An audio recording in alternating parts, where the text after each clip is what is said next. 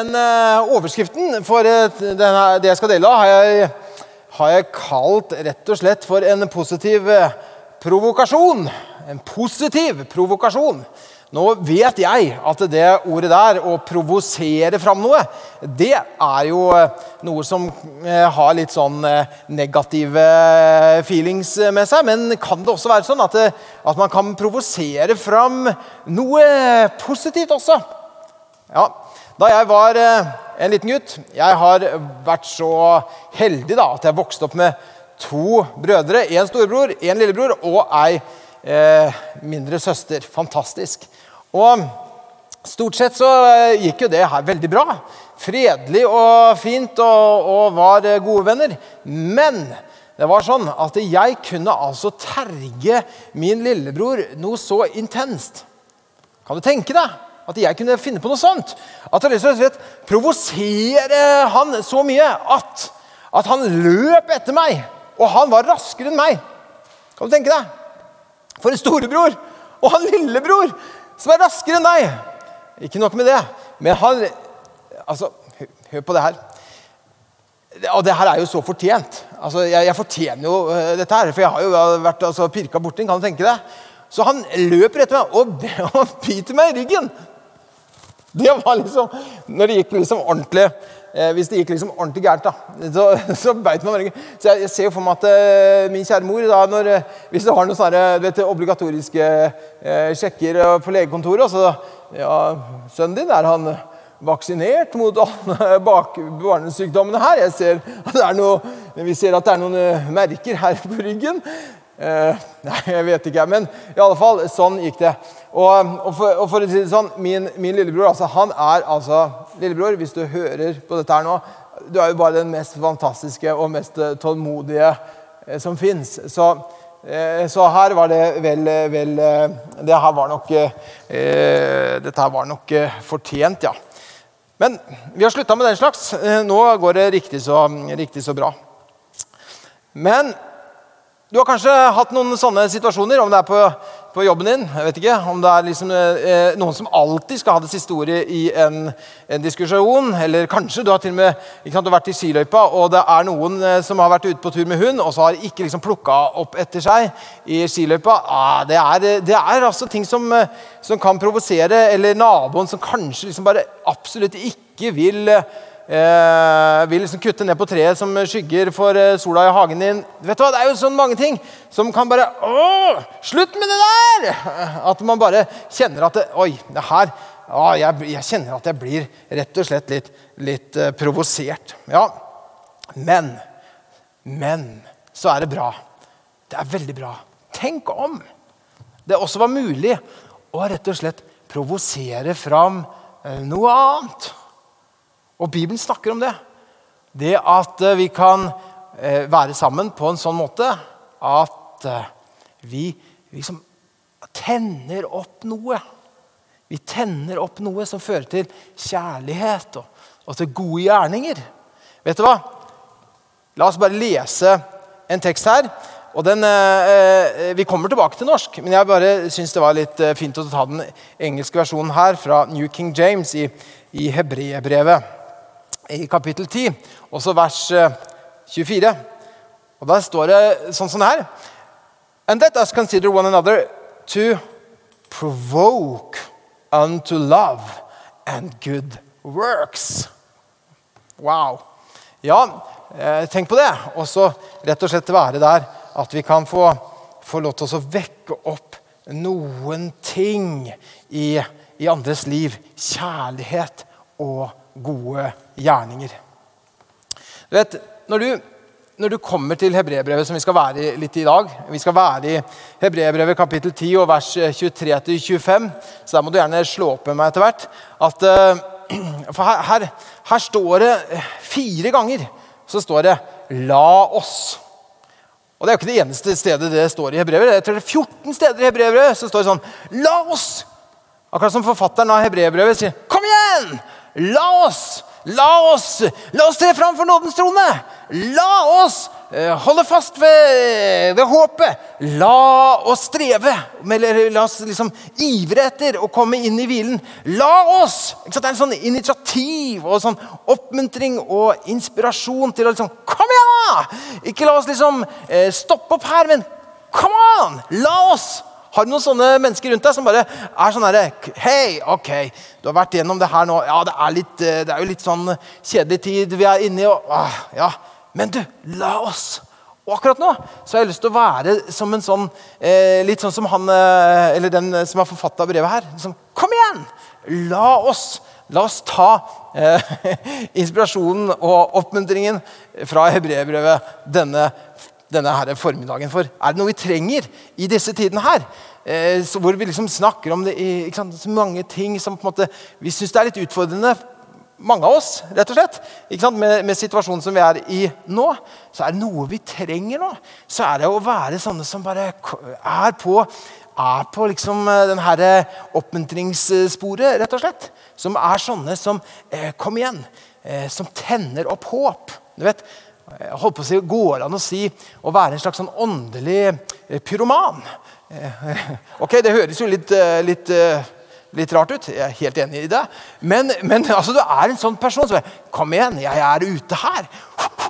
Og så, og så tenner jeg håp. Jeg er ute og tenner håp der jeg kan. Ok? Vet du hva, Jeg så første, en av episodene med Lars Monsen på tur. Og han ga meg et turtips. Altså, en ting er jo, Det er jo kjekt å se eh, Lars Monsen på tur. Det er jo enda kjekkere å være på tur. Men hvis du ikke får vært på tur, så er det jo kjekt å se eh, folk som er på tur. og se Lars Monsen på tur. Det syns jeg er veldig kjekt. Eh, så han hadde med seg en sånn kit.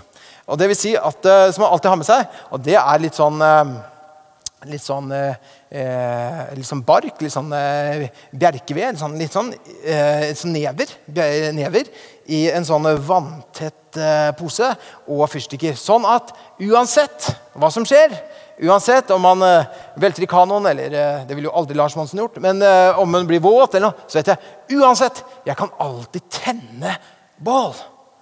Uansett omstendighet, uansett situasjon. Fyrstikkene er tørre, neveren er tørr, og da går det jo bra så lenge han kan tenne bål. Vet du, Her er det snakk om i den teksten her, å være noen som er sånne som er bare hm, Jeg leter egentlig etter noen muligheter til å tenne håp der hvor det trengs. Vil du være med på det? Være med meg på det, og så tenke hm, hvordan kan jeg være innovativ? Hvordan kan jeg tenke på måter i den tida vi er nå? Og hva, gjøre hva da? Jo, å tenne håp. La oss gå til teksten. Det passer jo fint å si 'la oss', gjør ikke det? For det kommer fire ganger her nå. Så Hebrebrevet, altså.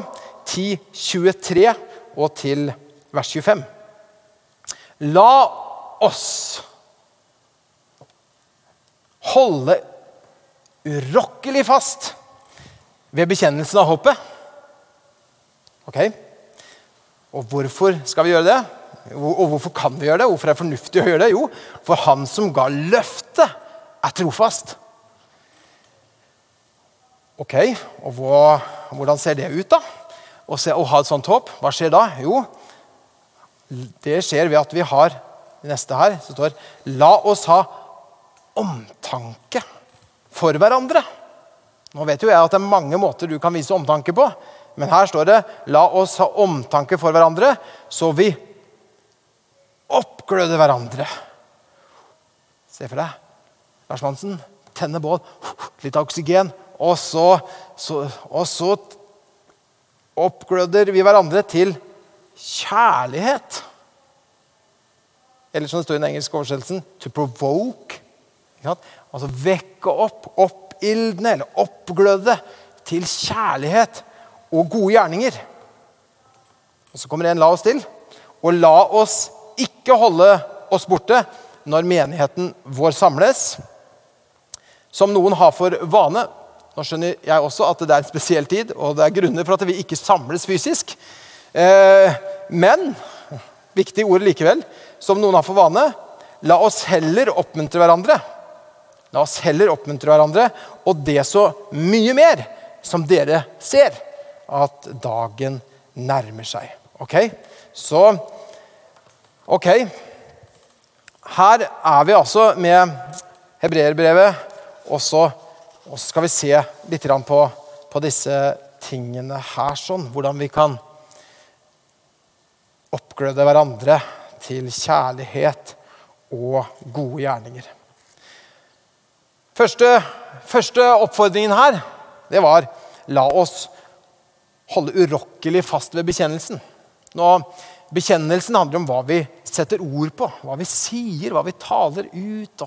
ikke sant? Blant annet. La oss holde fast på bekjennelsen av Eller holde urokkelig fast ved bekjennelsen av håpet. Det er jo mye du og jeg kan snakke om. Og jeg føler litt sånn at, at vi de, mange steder eh, så, så går på en måte smalltalken veldig fort inn i liksom covid-19-samtaler. Okay? Og det skjønner jeg jo. Det, det er jo sånn som man er opptatt av. Samtidig så må vi huske på La oss nå huske på det som står her holde urokkelig fast ved bekjennelsen av håpet. Dette begrepet her, holde urokkelig fast ved, det er nesten sånn du kan se for deg Jeg vet ikke om noen av dere har prøvd å, å uh, rafting noen gang, ned Sjoa eller andre liksom, elvestrøk, og du, og du, bare holder deg fast i, i det tauet for at du ikke skal liksom, uh, uh, på å si, falle i vannet. Men liksom, altså, du holder urokkelig fast ved noe. Du holder liksom Dette her, dette er noe som jeg virkelig holder fast ved, og som holder fast i meg. Eh, uansett omstendighetene, om det, om det er i liksom ville stryk eller hvordan det er. Jeg holder, jeg holder fast i, i, det håpet, og jeg holder urokkelig fast. Og hvorfor kan jeg gjøre det? Jo, fordi at han som ga løftet til meg, han som det står om, Jesus, hvor alle Guds løfter har fått sitt ja og amen i han. Altså Han som ikke kan lyve. Han som er trofast, han som ga løftet. Ok? Så Derfor så kan, jeg også, kan jeg også holde urokkelig fast ved bekjennelsen. I Hebrebrevet kapittel 6, i, fra vers 18, så leser vi om dette håpet. Med løfte og ed.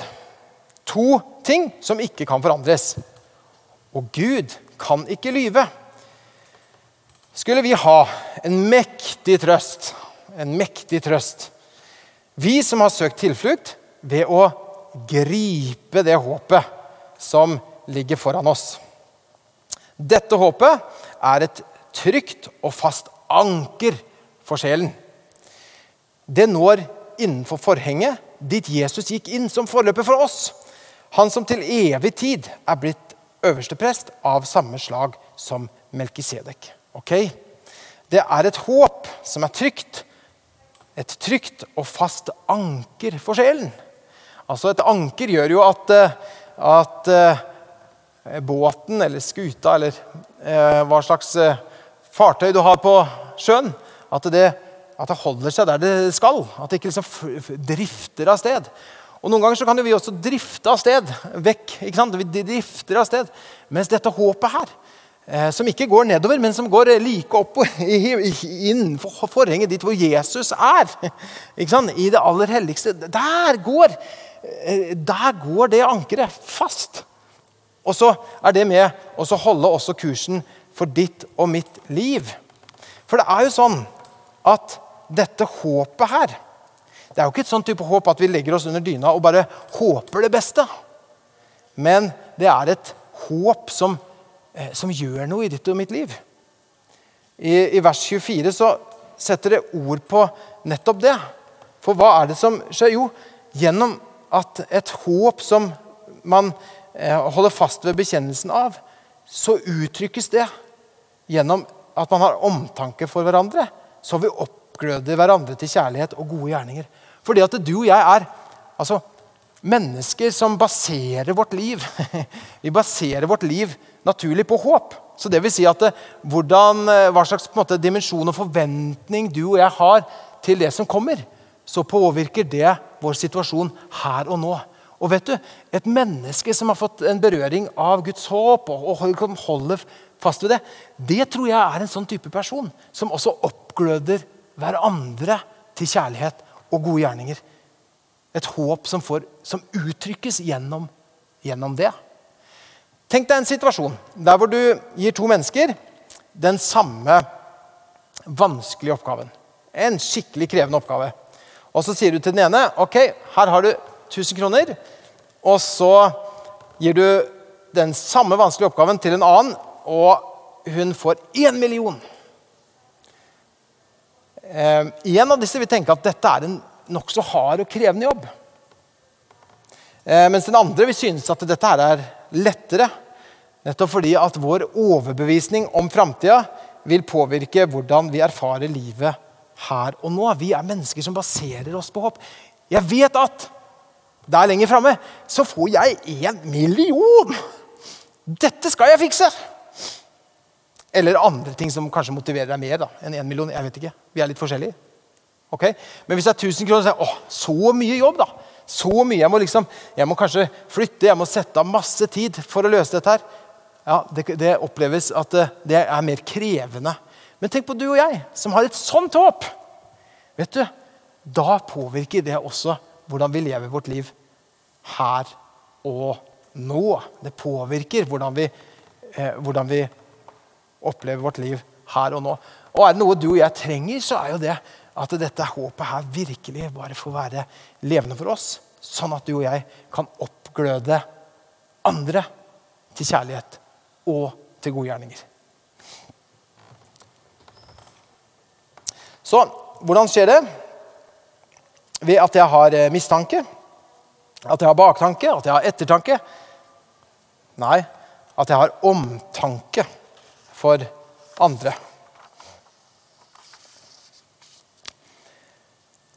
Så er det Jeg syns jo dette her er helt fantastisk.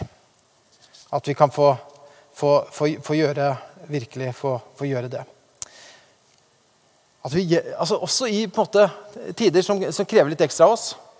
At vi kan få lov til å påvirke omgivelsene på en, på en sånn god måte. Mennesker rundt oss på en så god måte. Sånn som det står her i, i, i dette bibelverset her. Det var en pappa som hadde ved kjøkkenbordet hadde en samtale med tenåringsdattera, og hun hadde gått gjennom eh, litt, sånn, ja, litt utfordringer. Hadde en vanskelig tid. Og så står de der ved kjøkkenet, og så, og så, og så prater de, og så vil jo pappaen gi noen, noen, noen, noen, gode råd på veien. Og så begynner han å sette på eh, koke vann. Så først han Uten å på en måte si noe særlig mer, så, så, så legger han oppi en gulrot. og Så koker og så koker litt lenge, og så tar han ut og ser på den. Se hva den her varmen eh, og, og, og gjorde med den uh, gulrota her. Den ble jo helt, helt bløt. Og så fortsetter faren, og så legger han et egg, og så koker. Så, hm. Se hva som skjedde med det. Altså, Denne her varmen den gjorde at egget ble, ble hardt. Og, så, og, og hun datteren skjønner liksom ikke hva. Bløtt og hardt. Og så sier han, du vet, når du går gjennom disse tingene her Ikke vær som når du går gjennom vanskelig tid og du, på en måte, du kjenner at det liksom brenner litt rundt en. da, At det er litt sånn uh, vanskelig. Det koker, rett og slett. Sånn som det skjedde med den, for denne gulrota her. Så ikke, ikke bli motløs og, og, og, og, sånn, akkurat som den slappe uh, gulrota men ikke bli hard og bitter som dette egget her. Og så, og så kommer det, så setter han på. Koker litt vann, og så koker han litt kaffe. Og så fylles rommet, vet du. Kjenner du? Åh. Huh. Mm, kaffe. Og så istedenfor å måtte la seg påvirke av omgivelsene, så kaffen vet du, etterlater seg den gode smaken, aromaen, duften, og påvirker omgivelsene sine isteden. Og den datteren hun skjønte aha, jeg tror jeg vil heller være som, som kaffen enn som egget og, og som gulrota. At i også, når ting er utfordrende, at vi kan få være sånne som istedenfor å bli motløse eller, eller eh, på en måte bli si, bitter og lokke oss inn, istedenfor å tenke hm, hva om jeg kan være med oss og tenne opp håp hos andre? som leder til kjærlighet og til gode gjerninger.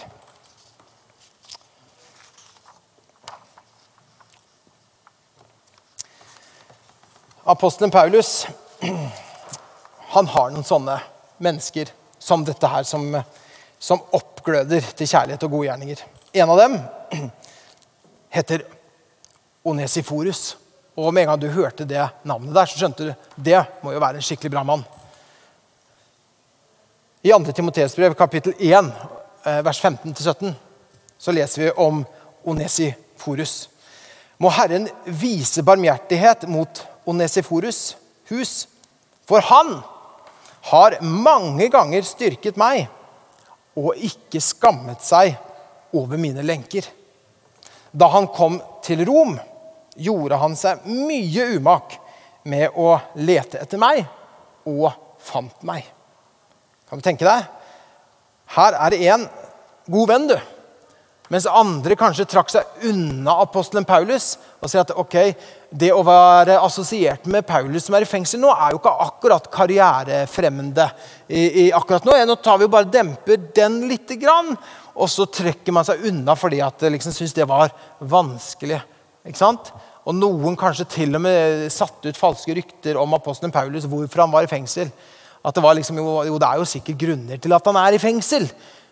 Men apostelen Paulus han hadde bare vært frimodig med å forkynne evangeliet. Og det var grunnen til at han ble satt i, i fengsel. Men eh, Onesiforus han er annerledes. Han sier, 'Vet du, om du er i fengsel, Paulus, jeg skammer meg vel ikke over lenkene dine.'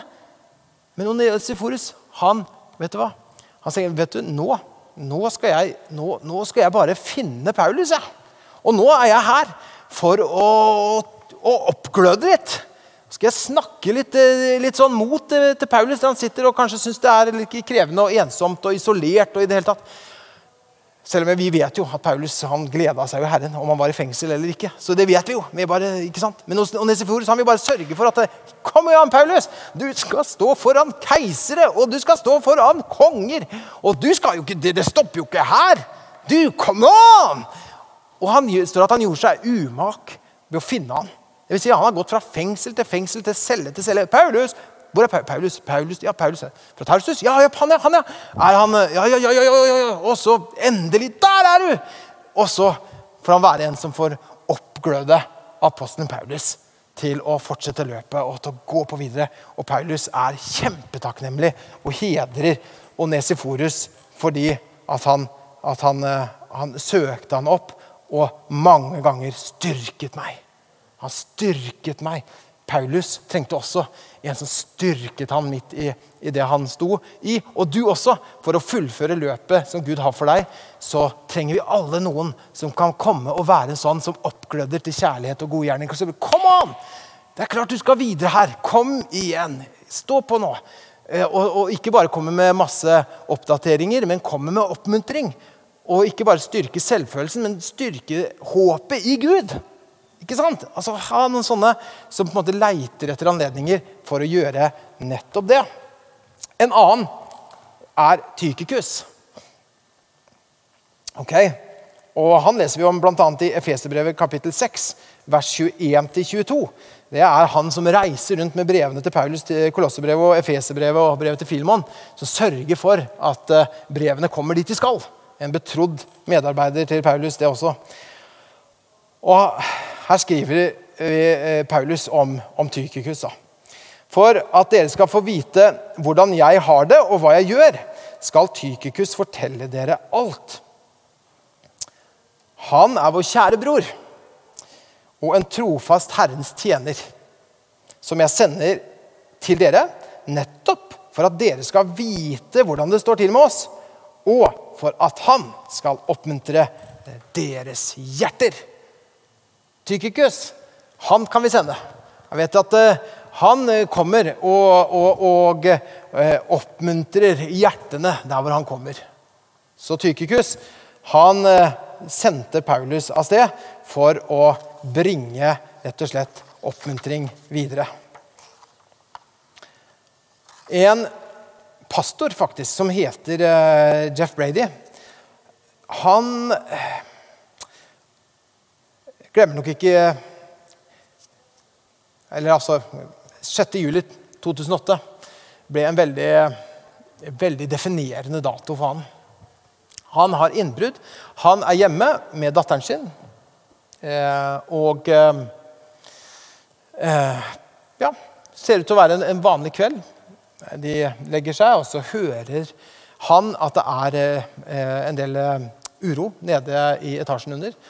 Han går ned og oppdager til sin forskrekkelse at det er innbrudd. Og for å beskytte både datteren sin, og, og, og så gjør han eh, det han kan for å på en måte få jaga de ut. Så han eh, på en måte eh, forsøker å liksom få de ut, og de skvetter til. Og, eh, og i, i, i, det at de forsvinner, så får han et, et fall og slår hodet sitt ganske kraftig. Og for på en eller annen måte klarer å få, få ringe ambulansen, sånn at de, at de kommer og, og, henter han. For han er helt, når ambulansen kommer, er han helt, helt slått ut så tar de alle rutineundersøkelser som man gjør på et, eh, et, sykehus. Eh, når sånne ting skjer, skriner hodet for å se. Det ser helt greit ut. Så han får komme tilbake eh, samme kveld, da kona kommet eh, tilbake igjen. Eh, og, og, de legger seg, og på en måte det, ting ser ganske bra ut. Så våkner han neste morgen og kikker inn i øynene på en eldre dame som han ikke kjenner igjen. Og han skvetter til. Hva har skjedd? Hva gjør jeg i senga her sammen med hun her, som er over dobbelt så gammel som meg, og som jeg ikke kjenner? Hva har skjedd? Han blir livredd. Bare? Kona skjønner ingenting. Forståelig nok. For i hans hode så er han nå 18 år. Og alt etter, eh, etter det er på en måte borte fra hukommelsen. Så i hans hode så er han nå 18 år og så lider av hukommelsestap. Og eh, Etter hvert så går jo det opp for kona at han skjønner at noen ting som har skjedd. for Hun er også sykepleier, så skjønner at vi må gå til sykehuset og får eh, på en måte sjekka det her.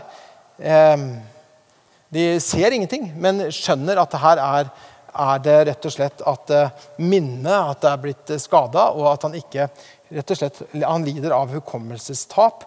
Ser på TV og ser ting som han ikke kjenner igjen. Kjenner ikke igjen sin egen mor som hun ser ut, og det er liksom helt, helt borte. En pastor. Men det er noen ting han har. Det er noen ting han har, og det er et fellesskap som har tilgang på hans historie. Som har tilgang på hans uh, identitet, hvem han er, og som kan sette ord på det så skrittvis han har ennå ikke hukommelsen tilbake, men han har fått gjenfortalt mye av hva som har skjedd. Så Jeff i sin liksom, historie forteller om hvordan han begynte å søke i andre religioner og finner tilbake igjen til Jesus på nytt. Eh, og at han tar opp teologistudiene og studerer gresk og hebraisk og bibelfag og kirkehistorie. Og i dag kjære venner, så er han en fungerende pastor, familiefar og ektemann og har på en måte gjenopplevd alt på nytt, kan du si. Men hva var det som var så unikt i hans sitt liv? Det var noen mennesker rundt ham som hadde hva da? Jo, hatt tilgang på hans historie. Og kunne fortelle, kunne oppmuntre, oppgløde og sette, sette han i en rett kurs. Noen år senere så var det en lignende episode som skjedde utenfor en Burger King.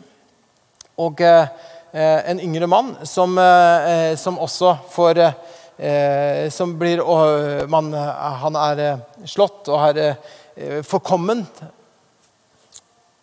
Og eh, får noen til å noen som oppdager, oppdager han idet de skal låse opp butikken der, restauranten. Og så Og der Og der våkner han også opp, husker ikke navnet sitt. Men ennå i dag så vet han fortsatt ikke hva som er hans egentlige navn. Og han var veldig annerledes. På en måte så var de to historiene litt like, men resultatet veldig ulikt.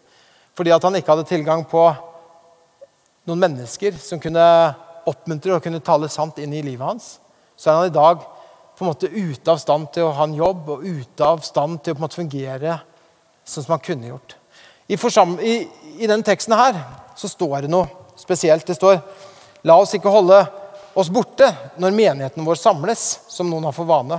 La oss heller oppmuntre hverandre. Nå er Det jo sånn at det er andre tider nå. At måter å samles på og måter å på måte oppmuntre hverandre på er annerledes. Men det er ikke eh, mindre viktig. Men kanskje at det, at det ser annerledes ut. Og det tenker jeg at vi får ta tak i sammen. For det står her i Hebrebrevet kapittel 10, eh, 22-25 det også, men i The Message-oversettelsen. Og her står det noe interessant. Jeg skal ikke lese hele der, men det står altså at Let's see how inventive we can be in encouraging love and helping out, not avoiding worshipping together at some do, but spurring each other on, especially as we see the big day approaching. Ok, Så det å være innovative Og kanskje det er det vi trenger nå. Å tenke aha, hva er det jeg kan gjøre for å være en sånn person som oppgløder andre til kjærlighet og gode gjerninger? Jeff Brady er takknemlig for at han hadde et sånn type fellesskap som kunne sette en god retning for hans liv. Nå er jo ikke vår situasjon på den måten, men du og jeg kan også være sånne som er med oss og bekrefter identitet og bekrefter retning i livet, sånn at man kan få lov til å stå den distansen ut som Gud har for den enkelte av oss. Vi trenger å være sånne mennesker som oppgløder hverandre til kjærlighet og til gode gjerninger. Og la oss i denne tiden her være innovative i måten vi gjør det på. Hvordan så det ut for eh, denne kirken eller disse kirkene som fikk dette brevet i første omgang. I Hebrebrevet 1034 så ser vi noen som er preget av det håpet. altså. Kan du tenke deg at du oppsøker disippelgruppa di eller huskirka eller eh, smågruppa di, og du vet at du gjør det med høy risiko. Det gjør disse her. Det står her i Hebrebrevet kapittel 10 og vers 34 så står det Ja, dere led med dem som satt i fengsel og fant dere med glede i at det dere eide, ble røvet fra dere. Det er jo ganske dramatisk. Ganske dramatisk. Men hva, hvor er det de henter på en måte styrke i en sånn situasjon? For dere visste at dere eier noe som er bedre, og som varer. For dere visste at dere eier noe som er bedre, og som varer. Var dette her viktig da, så er det ikke mindre viktig i nå. Her står det La oss heller oppmuntre hverandre, og det så mye mer som dere ser at dagen nærmer seg. Og det så mye mer når dere ser at dagen nærmer seg. Og i denne advent så er det det som vi på en måte, Når vi feirer advent, så, så er det klart vi, vi ser tilbake på at Jesus kom, men så også løfter vi blikket og ser framover. At Jesus, du kommer snart igjen. Og det er jo med at vi aha, vet at denne dagen nærmer seg. Ja vel, så blir denne delen av vårt kristne liv det blir desto viktigere. Og i tider som vi er i nå, så er denne delen desto viktigere. Å oppgløde hverandre til kjærlighet og gode gjerninger. En positiv provokasjon. Hva kan du gjøre denne uka og de neste ukene for å tenne håp? På å, på å oppildne noen andre, oppgløde noen andre til kjærlighet og gode gjerninger. Der er det, sier Bibelen, som vi leste om her i, i The Message, to be innovative, to be inventive, to find ways. Kanskje er det noen du sender et kort, er det noen du sender en hilsen, et bibelvers. Altså, Finne måter å ta denne utfordringen på. For det kan bety så enormt mye i den tida her. La oss være mennesker som er ambassadører for håp, og som tenner håpet i andre. Det ser jeg fram til. Amen. Skal vi bare takke Jesus for, for, eh, for dette. Herre himmelske Far, i dag så vil vi takke deg, altså, virkelig, for at, eh, at i deg så har vi et håp Herre, som ikke gjør til skamme. Kjærligheten er utøst i vårt hjerte ved Den hellige ånd. Takk at, eh, at, eh, vi har et sånt håp i deg, Jesus, og at det får bli så levende i oss. At det uttrykkes i oss ved at vi kan, i denne tiden som vi er i nå, oppgløde hverandre til kjærlighet og til gode gjerninger. Jesus, vi takker deg for at, eh, at, du akkurat nå kan minne oss om menneskers situasjoner. Derfor vi få lov til å bety denne forskjellen for noen mennesker. Vi takker deg for i Jesu navn. Amen.